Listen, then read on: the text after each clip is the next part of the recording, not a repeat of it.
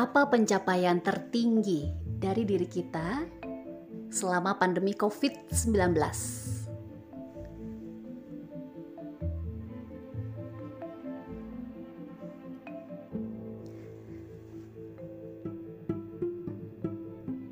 Setelah bicara dengan beberapa orang, ternyata sejauh yang dirasa sekarang, pencapaian tertinggi itu ketika kita ternyata merasa damai dengan diri sendiri karena sudah mengenalinya dengan sangat baik. Well, sebenarnya sampai sekarang pun kita masih harus tetap belajar menyatu dengan diri. Jangan pernah kita berhenti menyelami diri sendiri.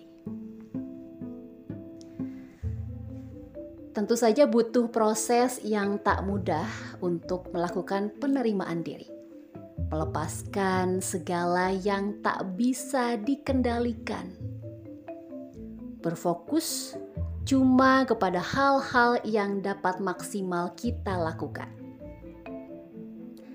Dan ternyata, kini secara perlahan itu semua menampakkan hasilnya.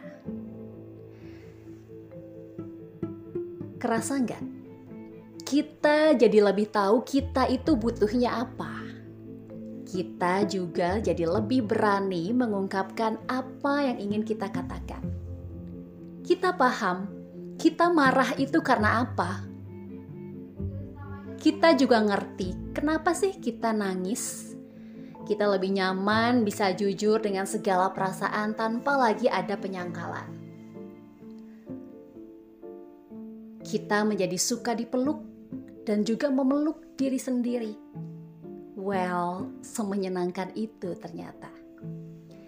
Yuk, kita sama-sama mengucapkan terima kasih, wahai diri, untuk segala dinamika yang telah dilewati. Kamu, sang diri, tetap setia menemani.